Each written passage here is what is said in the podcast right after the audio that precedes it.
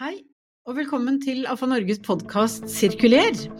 Den handler om avfall, gjenvinning og sirkulær økonomi. Mitt navn er Nancy Strand, og i dag skal vi snakke om energigjenvinning av eh, avfall. Og um, vi har med oss Ingrid Hitland fra BIR Ressurs. Velkommen til deg. Tusen takk. Med helt nytt navn på selskapet ditt, det skal vi si litt mer om. Og vi har med oss Kåre Fostervold, som er næringspolitisk direktør i AFA Norge, men som har et særlig område å jobbe med energigjenvinning. Hei, hei. Hei, Kåre. Veldig fint. Da er alle stemmene etablert, så å si. Og AFA Norges faggruppe for energigjenvinning. Og du, Ingrid, er jo leder i, i den gruppa. Det stemmer. Og da kan vi jo kanskje begynne med å bare si at det er en litt Det er en, en helt spesiell gruppe i AFA Norge, for der sitter vel så godt som alle anleggene som jobber med energigjenvinning i, i hele Norge? Ja, det stemmer. Vi har fått en unntak fra reglene i, i, i AFA Norge, og for å være en litt stor gruppe. For oss er det veldig viktig at alle anleggene er representert, for vi samarbeider veldig mye både om teknikken og om miljøet, ikke minst, og utslippene. Så det er viktig å få snakke med alle, at alle får liksom ha en stemme i den gruppa. Mm. Men altså, jeg er jo litt Jeg blir litt, litt nysgjerrig, og, og, Ingrid, vi sa at du, du, leder nå et selskap i BIR i, i bergensområdet som heter BIR Ressurs. Men bedre kjent tror jeg for de fleste som, som BIR Energi. Ja. BIR Avfallsenergi har vi faktisk hatt til nå ut mars. var 1. april så fikk vi nytt navn. Det har vært en omorganisering i BIR-konsernet. Og BIR Ressurs det er fordi vi nå har fått litt ekstraoppgaver. Vi driver jo anleggene i BIR, og i dag er det jo forbrenningsanlegget og det er deponi.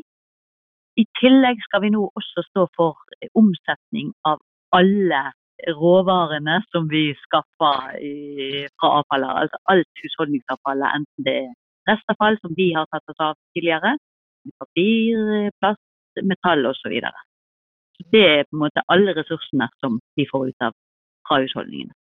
Ja, Fantastisk godt signal å kalle det for ressurser og snakke om, om råvarer, det, det, liker vi.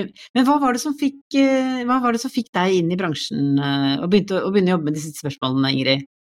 Jeg er jo en av veteranene. Jeg er nesten grodd fast her. Jeg har vært i BIR-systemet i Renestaket i 35 år nå. Eh, og så før det for ca. 40 år siden så tok jeg faktisk videreutdanning, eller tok utdanning der på NTNU, eller NTHNU som vi kaller det, i avfallsbehandling. Det var jo et fag som veldig få tok. Jeg vet, litt tilfeldig er det nok at jeg tok det faget, men det førte i hvert fall til at jeg kom inn i en veldig spennende bransje. Det er jo en bransje som inneholder det meste. Veldig mange fagfelt samla på ett sted. For det er jo sånn at når vi skal bli kvitt avfallet, så er det veldig mange ting som må henge sammen. Veldig mange ting man er borti. Ja. Vet du, jeg fikk spørsmålet fra en student i dag, en som søkte på sommerjobb. Som sa ja, hva, hva, er det som gjør at du har lyst til å jobbe i denne bransjen, eller hva er det som gjør at du jobber i denne bransjen? Og da sa jeg egentlig noe som ligner på det du sa nå, nemlig denne bredden i, i de problemstillingene som vi får jobbe med, og, og det er mange spennende utfordringer på veldig mange områder. For, for Vi snakker mye om, om energigjenvinning av avfall, og det skal vi gjøre videre i denne samtalen også. Men, men Ingrid, kan ikke du bare forklare liksom kort hva skjer på et forbrenningsanlegg, faktisk? Altså, hva er liksom gangene i, i, i prosessen? Til oss så kommer det eh, avfall, og det som kommer inn til oss, det er restavfallet. Vil si det avfallet som ingen andre vil ha, eller kan gjøre seg nytte av. Og så kommer det, det levert da til oss etter sortering. Vi veier det inn hos oss, så tømmes det i en stor bunker. Og så er det sånn at vi har kontroller av det også. Prøvekontroller for å finne ut om det er noe farlig der som vi ikke skal ha inn til oss. Så eh, blandes det godt sammen. Ligger kanskje der og tørker litt noen dager. Så lastes det rett inn i en stor ovn. Der det brenner på sånn ca. 1000 grader.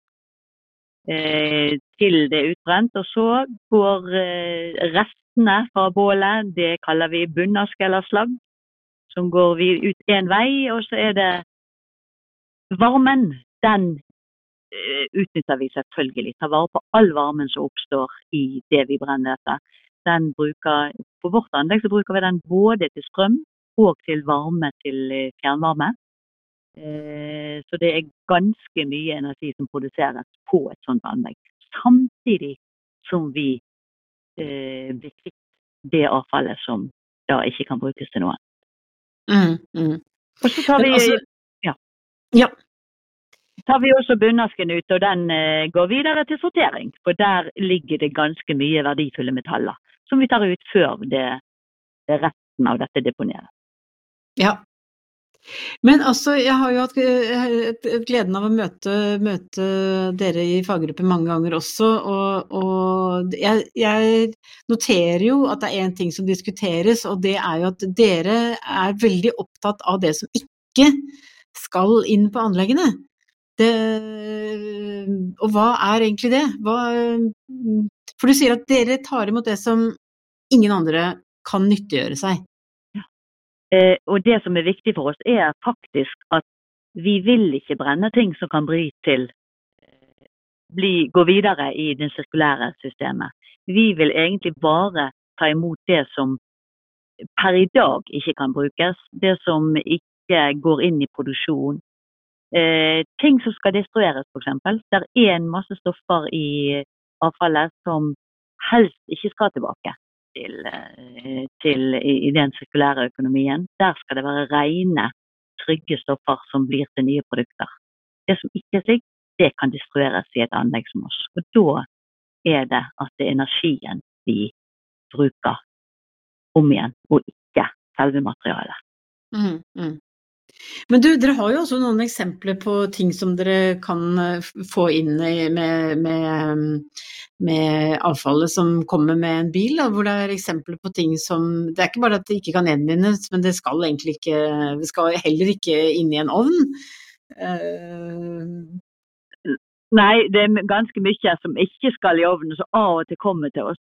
Uh, vi har, det hender det kommer litt farlig avfall som ikke vi har lov å brenne, som helst skal gå til, til egnet eller andre steder. Eh, store gjenstander de liker vi veldig dårlig, f.eks. motorer, badekar osv. som vi har sett blir levert. De brenner veldig dårlig. De pleier vi å ta ut, av og til får vi det ut i forkant. Av og til setter de seg på tverke i, i ovnen. Det, liker, det er ikke spesielt bra. Uh, ja, det er vel sånne ting som uh, Og isolasjon er heller ikke spesielt godt. Det kommer ofte isolasjon inn som heller ikke brenner. Og det skumle med det er at det legger seg i grunnen over andre ting som burde vært brent. Slik at mm. ting kommer ut uten at det er skikkelig brent, hvis dette har isolert godt gjennom hele ovnen. Mm. Så det er, man må være litt nøye, og derfor er vi, eh, pleier vi å sjekke innimellom. Da. Vi sjekker ikke alt, det klarer vi ikke, men vi sjekker at det er eh, ordentlig sortert, det som leveres. Men altså, jeg hørte en gang en sånn liten kuriositet, og det er det at kattesand det er ikke noe man har lyst til å ha inn, eh, det brenner ikke? Og, det brenner ikke, det ligger i, i bunnen av bunkeren. kommer det aldri ut derfra. Og hvis det kommer i ovnen, så gjerne siler det ned mellom oss. Det er kanskje ikke det aller verste vi får, da, men, men i hvert fall så er det, det Ja. Helst ikke til forbrenning. Men altså, det er jo en, en, en, er jo en diskusjon, og, og, Kåre, du som jobber med næringspolitikk. Eh, den, den, eh, den, diskusjonen rundt dette med avfallsforbrenning, eh, hva, hva er det den går i? Jeg, jeg, tror kanskje det er et sånn ønske om at vi skal ha en, eh, en giftfri verden. Altså Vi skal ha en, en, verden der eh, alle skal resirkulere alt og vi skal forbruke mindre. Men man glemmer gjerne litt av historikken. Altså Vi fikk et deponiforbud for mange mange år siden, altså som gjør at vi skal ikke grave ned ting som vi ikke liker, eller ikke bruker lenger. Uh, og en som Ingrid var innom, altså noen ting kan vi ikke gjenbruke, og vi ønsker ikke å gjenbruke det heller, for det har miljøgifter i seg. Man må huske på at vi river jo bygninger som er uh, 40-50-100 år gamle, uh, der vi brukte forskjellige typer maling som absolutt er forbudt i dag. og en del av det får vi ikke ut av systemet, vi får ikke renska materialene for, for disse giftene. Og da er avfallsforbrenning med energigjenvinning en veldig god og trygg løsning. Det er veldig strenge krav til å drive med dette. Eh, og det måles, og som Ingrid, man måler både inn og ut eh, på anleggene. Man har veldig god kontroll eh, med håndtering av disse materialene. Så avfallsforbrenning med energigjenvinning er en naturlig del av det avfallspyramiden som du kjenner godt, Nancy. Eh, altså Man prøver å, å, gjenbruke mest mulig og bruke det lengst mulig, men på et eller annet tidspunkt så må vi klare å håndtere det ingen andre vil ha noe av. Eh, og da er energigjenvinning, eh, som Ingrid var innom, det er på en måte gjenvinning av det materialet over til energi. Så vi vil i lang lang tid ha stort behov for det, og vår internasjonale eh, søsterorganisasjon CWEP har jo sagt at selv med de knallharde målsettingen som EU har på avfallsområdet, så vil vi eh, ha en, eh, altså en, mangel på behandlingskapasitet på 40 millioner tonn avfall. Eh, som man kunne brent, men vi mangler faktisk anlegg. Sett ut ifra de høye miljømålsetningene som Europa har. Mm, mm. Men nå, jo, nå, er det jo innført en, en, avgift på forbrenning. Den har vært tidligere, så ble den fjernet, og nå er den innført igjen. Det har vært mye diskusjoner rundt den. Men eh, hva slags, eh, hva slags kan, den, eh, kan den Jeg vet at det har vært mye motstand mot å innføre den igjen fra bransjeside, men kan den virke positivt i retning av at da blir det mer lønnsomt å hente ut mer av eh, restavfallet til, til eh, å kunne gjenbruke det, eller utvikle ny teknologi, eller ja, altså det, Selv politikerne strides jo om effekten av denne avgiften. Eh, I den perioden som den var ute på høring og det var snakk om å innføre avgiften igjen, så, så uttalte jo politikere som faktisk befinner seg i regjering i dag, om at denne avgiften antageligvis ikke ville ha noe effekt på å redusere mengden avfall som gikk til forbrenning. Eh, men allikevel så kom jo denne avgiften, eh, og det har jo vært en dialog med det politiske miljøet etterpå om skal man se på innretningen på en slik avgift. Og jeg tror ikke det er noen tvil om det, Ingrid, at eh, bransjen eh, er jo, altså energigjenvinningsbransjen er jo like opptatt av dette som alle andre, på at man skal ha tiltak som, som fungerer i praksis. Det vi, det vi, har av historikk og det vi kan se til, er jo at eh, en lignende avgift ble jo innført i Sverige. Og nylig så, så, kom det jo en evalueringsrapport fra avgiften i Sverige som sa at den ikke hadde hatt noe effekt. Så det er jo kanskje det som er litt skummelt med, med slike virkemidler som avgifter, er at hvis det ikke har noe effekt, eh, så vil jo folk etter hvert eh, eh, ja, få en litt sånn vond magefølelse da, på denne avgiftspolitikken. Altså hvis man ikke ser det virker hvis jeg kunne si noe om det òg, så, så, er det jo litt sånn eh, Noen av anleggene, noen eh, klarer å, å, å, legge den avgiften på, på, kundene, slik at det blir litt dyrere på dem. Men andre anlegg må jo faktisk betale den fra sitt eget Altså de får ikke den tilbake på kundene, for de er ikke villige til å betale det. Så det varierer veldig hvordan den slår ut på, fra anlegg til anlegg. Eh, og for vår del så ser det ut for oss som at det er bare en avgift som vi betaler inn, den endrer egen Vi klarer ikke å se at den endrer noen ting. Vi tror vel at en eller annen gang i framtiden så kunne en sånn avgift hatt effekt når, hvis man hadde hatt alternativer. Og vi, Hvis man f.eks. hadde hatt CO2-fangst på anleggene, og dette var innført osv., så, videre, så hadde man hatt noen eh, valgmuligheter. Sånn som vi ser det i dag, så er det jo mål om og krav om økt gjenvinning av flere materialer. Og da burde det ikke være nødvendig med en avgift som skal gjøre det samme, spesielt ikke når man ligger på aller siste leddet der du faktisk ikke har noe valg, men du må brenne det du får inn. Mm. Du, eh, eh, Ingrid, du som nå, nå, som du sier, dere skal nå ha ansvaret for eh, all, alle ressurser. Og, og, og, og råvarer. Så, så hvordan ser du liksom miksen eh, av det som går til materialgjenvinning og, energigjenvinning i tiden fremover? Altså, handler dette også mye om teknologi? Du er inne på CO2-fangst, ikke sant? Altså, Ja, jeg, jeg tror at uh, i dag så er det egentlig for lite utbygd eh, muligheter for å gjenvinne det vi faktisk sorterer ut. Sånn at det er der vi tror at eh, teknologien må komme. Det må komme muligheter for å levere. Grunnen til at vi nå har alt i samme selskap, at vi skal ha ansvar for alt, er rett og slett at vi skal se litt på synergieffektene. Hva er det? Kan vi på en måte eh, bruke transporten, samme transporten, noe ut og noe brennbart tilbake osv. Og at vi har en mye eh, bedre samkjøring mellom dette.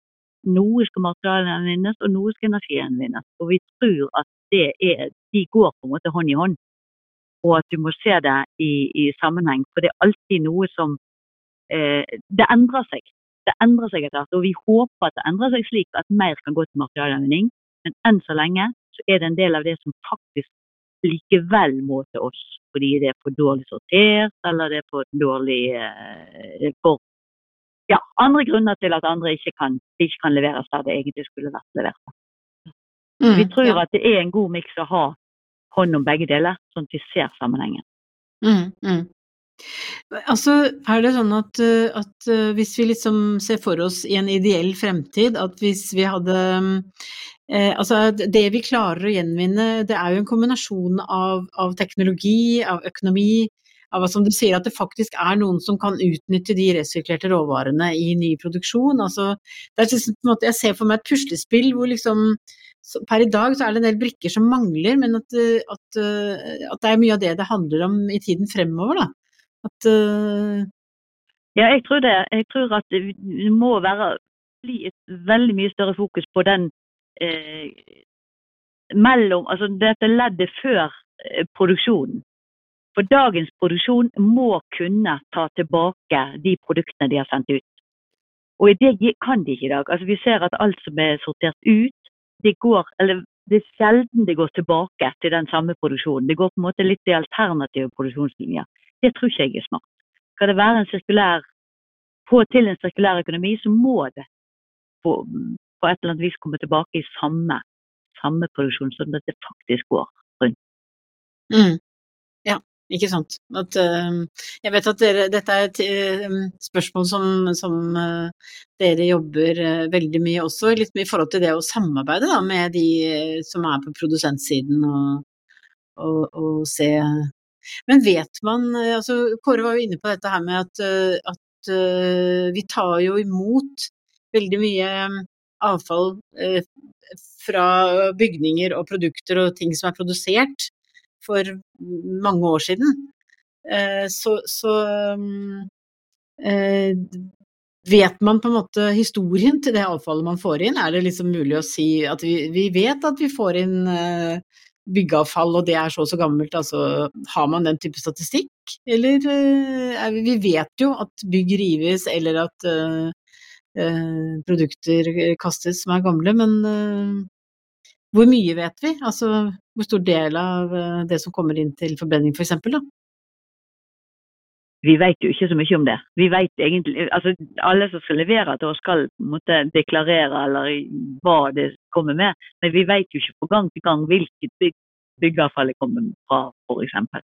Så der tenker jeg at det er, er mer det leddet før. Rett og slett at man, når man river bygg, faktisk klassifiserer og fordeler, tar ut ting som kan brukes på nytt. For det tror jeg også er en rivende utvikling. Det at bygg også bør brukes på nytt, selv om de Mm. rives.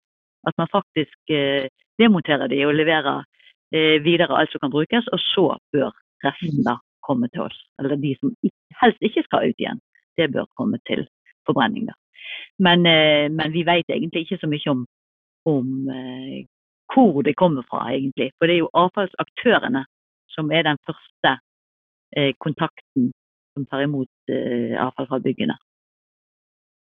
Men eh, hvis jeg bare kan skyte inn, Nancy. Det, eh, jeg tror det var du som var innom det i stad. At eh, altså, ting henger sammen med alt. Eh, og, og altså, Avfallsforbrenningsanleggene ønsker jo ikke mest mulig avfall inn. Men det er jo det at vi kan antageligvis ta ut mer av, av materialene fra avfallet i, i fremtiden når vi jobber med ny teknologi. Men det har også en kostnad. Eh, og disse resirkulerte materialene, som det da blir hetende, skal jo konkurrere mot disse jomfruelige råvarene. Eh, så hvis det ikke er vilje til å betale for resirkulerte materialer, eller bruke de, at forbruker etterlyser det, eller offentlig sektor eh, etterlyser disse produktene, så er det jo veldig eh, tøff eh, investering å ta. Eh, jo mer mm. avansert, jo mer robotisert, jo mer analyser man skal ta av disse produktene, eh, jo mer koster det jo å resirkulere det. Så, så, ting henger jo, alt henger jo litt sammen med alt i avfallskjeden. Eh, hvor er det man kan få tatt ut mest mulig materialer? Eh, på en måte som gjør at det, det, både er lønnsomt, men i hvert fall er omsettelig. For det verste vi kan gjøre, er å resirkulere materialer, og så, og så blir det bare liggende på et lager. Noen må ønske disse også. Ja. Der, der tror jeg òg at, jeg tror også det der vi må Det må ikke bare være økonomien som, som, stemmen, som styrer det. Det må faktisk være noen, lov, noen lover og noen pålegg om å bruke materialene opp igjen. For hvis det, Nå er det jo sånn at den sirkulære økonomien det er ikke noe tilfeldighet at det heter økonomi. Det skal gå i hop. Og da må man på en måte, det må være litt andre ting enn bare økonomi som bestemmer om det skal gå til gjenvinning eller ei. Mm, mm. Men det er en utvikling som jeg syns er veldig spennende, og det er jo det som skjer i Europa. Og det vi kanskje har litt lett for å glemme mm, her i Norge, er jo hvor stor del av avfallet i, i Europa som fortsatt går på deponi. Så eh, Og det, det, der kan jo eh, Der må vi også ha en balanse. Så eh, jeg vet at du, du Hva tenker du liksom om hvordan dette blir fremover, Ingrid? At liksom eh, Fordi det er jo et eller annet med at behov Altså hva vi har Deler av Europa har, har hatt deponiforbud lenge og har bygget ut kapasitet til energigjenvinning. Andre deler av Europa har stort sett nesten bare, bare deponi, og, og, det er store investeringer som i så fall skal til? Altså, betyr dette at vi, vi må egentlig se for oss at det blir mer eh, transport, eller, eller eh, skal vi ta hånd om dette på, i egen Alle må ta hånd om sitt eget avfall? Vi ser jo at det er et internasjonalt marked, eller i hvert fall et nordisk og delvis europeisk marked på, på avfall, eh, på restavfallet. Eh, vi ser, og vi ser også at det er en helt uforklarlig motstand mot eh, forbrenning og forbrenningsanlegg i Europa, som gjør at en del land tror at de kan gå rett fra deponi til å materialgjenvinne alt. Det tror vi er en helt utopi. Fordi at nettopp den effekten med at alt som ikke skal tilbake til materialer, det bør det må man ha ut. Det skal ikke på deponi, og det skal ikke inn i nye materialer. Da er forbrenning alternativ. Eh, så jeg tror at vi, det vil kreves, hvis man skal få til den store revolusjonen, revolusjon på avfallsområdet som Europa prøver å få til nå, så må man ha flere anlegg, vi må ha mer kapasitet. Og så må det man satse mer på den eh, teknologien og utviklingen av eh, produktene. Dette at man faktisk får ting inn i det. Og det tror jeg eh, så ser vi det at det er på en måte Norden og Nord-Europa som har behov for energien og varmen. Sånn at det, er mm. veldig, det, er ikke, det, er ikke, helt tilfeldig at det er der de fleste forbrenningsanleggene er bygd heller. Så det er jo en viss sånn eh, Legges vel kanskje, eller bør kanskje legges opp til en viss transport og samarbeid i Europa. For mm. eh, samtidig som selvfølgelig eh, Utfordringen ved det er jo at da blir vi veldig avhengige av hverandre, og plutselig så kan eh, grensene stenges, som vi av og til ser. Og da, da eh, får vi alle problemer hvis vi ikke har eh, kapasitet til eget avfall. Det er jo den andre siden av det. Så det er både det beredskapsmessig og dette å få brukt eh, ressursene best mulig. Mm. Det er sånn Mm. Men altså, vi har jo nå over lengre tid eh, diskutert plast, og, og eh, vi ser jo at teknologien er i ferd med å utvikle seg for å kunne sortere ut mer av plasten. Eh, men jeg observerer også at eh, på tekstiler nå så er det et enormt engasjement eh, for, å, for å finne løsninger. Også langs hele systemet, altså fra produsentene, og, og, men til å kunne resirkulere materialgjenvinne min, tekstilene, da. Merker dere det hos dere, eller? Eh, Vi har jo en, eh, hatt tekstilgjenvinning ganske lenge, eller tekstilinnsamling da, ganske lenge i byen, men vi har ikke merka noe stor Det er ikke noe stor forskjell hos oss, selv om denne diskusjonen går her. Vi ser at enkelte av de materialene som vi tar inn, enten det er tekstiler eller plast, noen, noen ting øker, og noen går ned, naturlig nok. da. Men eh, vi tror kanskje den aller største showstopperen for gjenvinning av og material, utvikling av de materialene, det er dette at folk får inntrykk av at disse materialene faktisk ikke gjenvinnes likevel. Og der kommer jo stad, til stadighet noen historier om at det siste leddet mangler. At uansett hvor godt eh, husholdningene sorterer dette, uansett hvor stor jobb de gjør, og hvor ja, dette traktes og sorteres osv., og, og så går, kommer de ikke inn i ny produksjon likevel. Så Det tenker jeg at det er det ledd- leddet skal på plass for at vi får dette til å også øke Ja. i Mm. mengde. Ja. En, det tror jeg er en eh, felles eh, utfordring for, eh, for hele bransjen. Men du, helt til slutt, du må si litt om dette med CO2-fangst. Fordi hva, hva, hva, skjer, hva skjer der? Det har vært mye snakk om eh, CO2-fangst i forhold til anlegg eh, på østlandsområdet, men hva skjer liksom i bransjen som helhet? Det foregår veldig mye. Flere anlegg holder på med egne utredninger. På vårt anlegg i, i, i BIR så har, holder vi på med et forprosjekt nå for å se på er det mulig å etablere Hva vil det bety å etablere et anlegg som tar sånn ca. halvparten, altså 100 000 tonn CO2. Det er litt under halvparten av det vi slipper ut. Da vil det ta den fossile biten av eh, CO2-en. Rett og slett for å se er det mulig å bygge dette ut i, i trinn. Få dette på plass, hva vil det koste, hvor kan det plasseres, eh, hva vil det koste i drift, osv. osv. Um, samtidig så foregår det et stort arbeid på flere av de norske anleggene i fellesskap. Det er et kan kalles det. Det er altså eh, Klimakur for avfallsforbrenning. Og det er flere store anlegg som eh, utreder i fellesskap hva skal til for at vi får dette til. Noen utreder teknikken, noen ser på forretningsmodeller, som er veldig viktig. Hvordan klarer vi å få betalt det? Noen ser på hvordan klarer vi å få utnytta energien uten at Altså utvunnet, tatt ut CO2 uten at vi bruker all energien på det. Vi må ha energi også til, til eh, fjernvarme og strøm osv. som vi i dag leverer.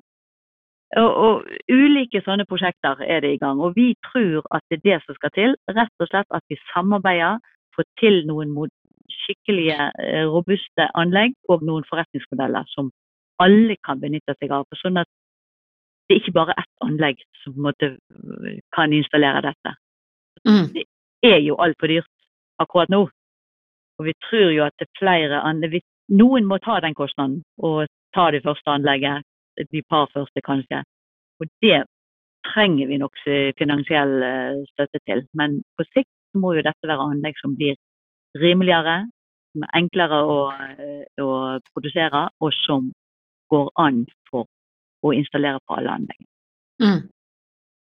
Du, det blir kjempespennende å, å følge. Um, så da tror jeg vi må rett og slett runde av for, for i dag. Men uh, tusen takk for en veldig spennende samtale, Ingrid, og takk til deg, Kåre. Og takk til vår produsent eh, Håkon Bratland i AFA Norge, som har stått for teknikken i dag. Så tusen takk til dere. Takk skal du ha. Takk for du ha. Ha det godt. Ok, ha det riktig bra.